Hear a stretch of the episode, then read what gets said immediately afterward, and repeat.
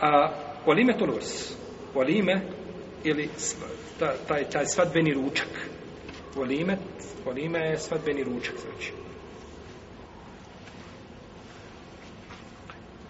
Sunnet je pritvrđeni da čovjek napravi prilikom vjenčanja ručak. To je sunnet kod većine uleme. A kažu šafijski učenjaci i po jednom rivati imam Malik i to isto kaže imam Ibn Hazm. Kažu da je vađib. I to je odabro šeha Albani. Mišljenje, koliko se sjećam da je šeha Albani u svome dijelu odabro se fakt, davno sam to čitao, da je odabrao mišljenje da je to vađib.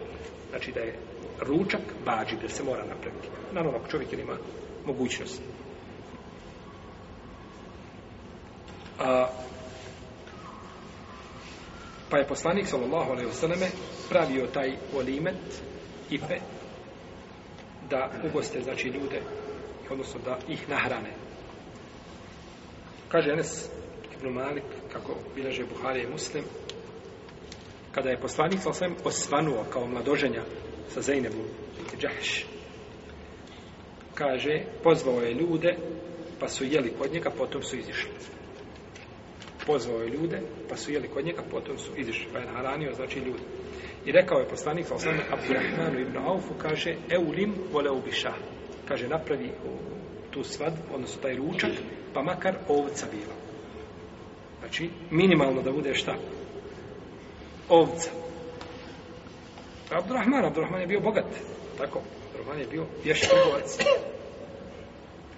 Pa mu kaže, napravi bar sa ovcom, pa je lijepo čovjek ako može, znači da zakolje nešto ljudima, da ih ugosti. Ako ne može, to može šta može. Nije šart, znači uvjet da bude ručak. Eh, ovca, jer je poslanik sa osvame pravio ručak sa hajsom. Hajs, to je hrana. A,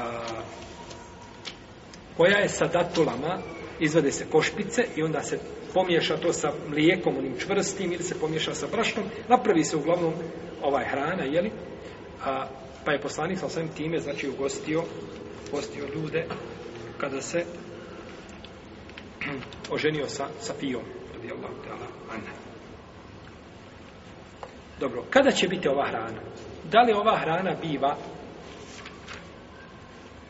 prije sklapanja bračne veze ili nakon sklapanja bračne veze ili nakon ovaj prve bračne noći? Jedan dio uleme kaže da kada god čovjek da napravi da je ispravno postupio. Ja prije nego što privede, nije priveo još mladu, oženio se danas, jenčao se, kaže svadba je naredna subota ili nedjelja, ili naredni petak. Prvi. Svatba je naredni petak. Mogu li ja napraviti sada svatbu prije toga? Kaže Ulema, možeš. Nije spor. Može se napraviti svatba i prije toga, znači da se ljudi nahrane, da se pozovu i tako dalje. Ali hadis Zajnebe bintu Đaš kaže se kada je poslanik osvanuo kao mladoženja, pozvao je ljude.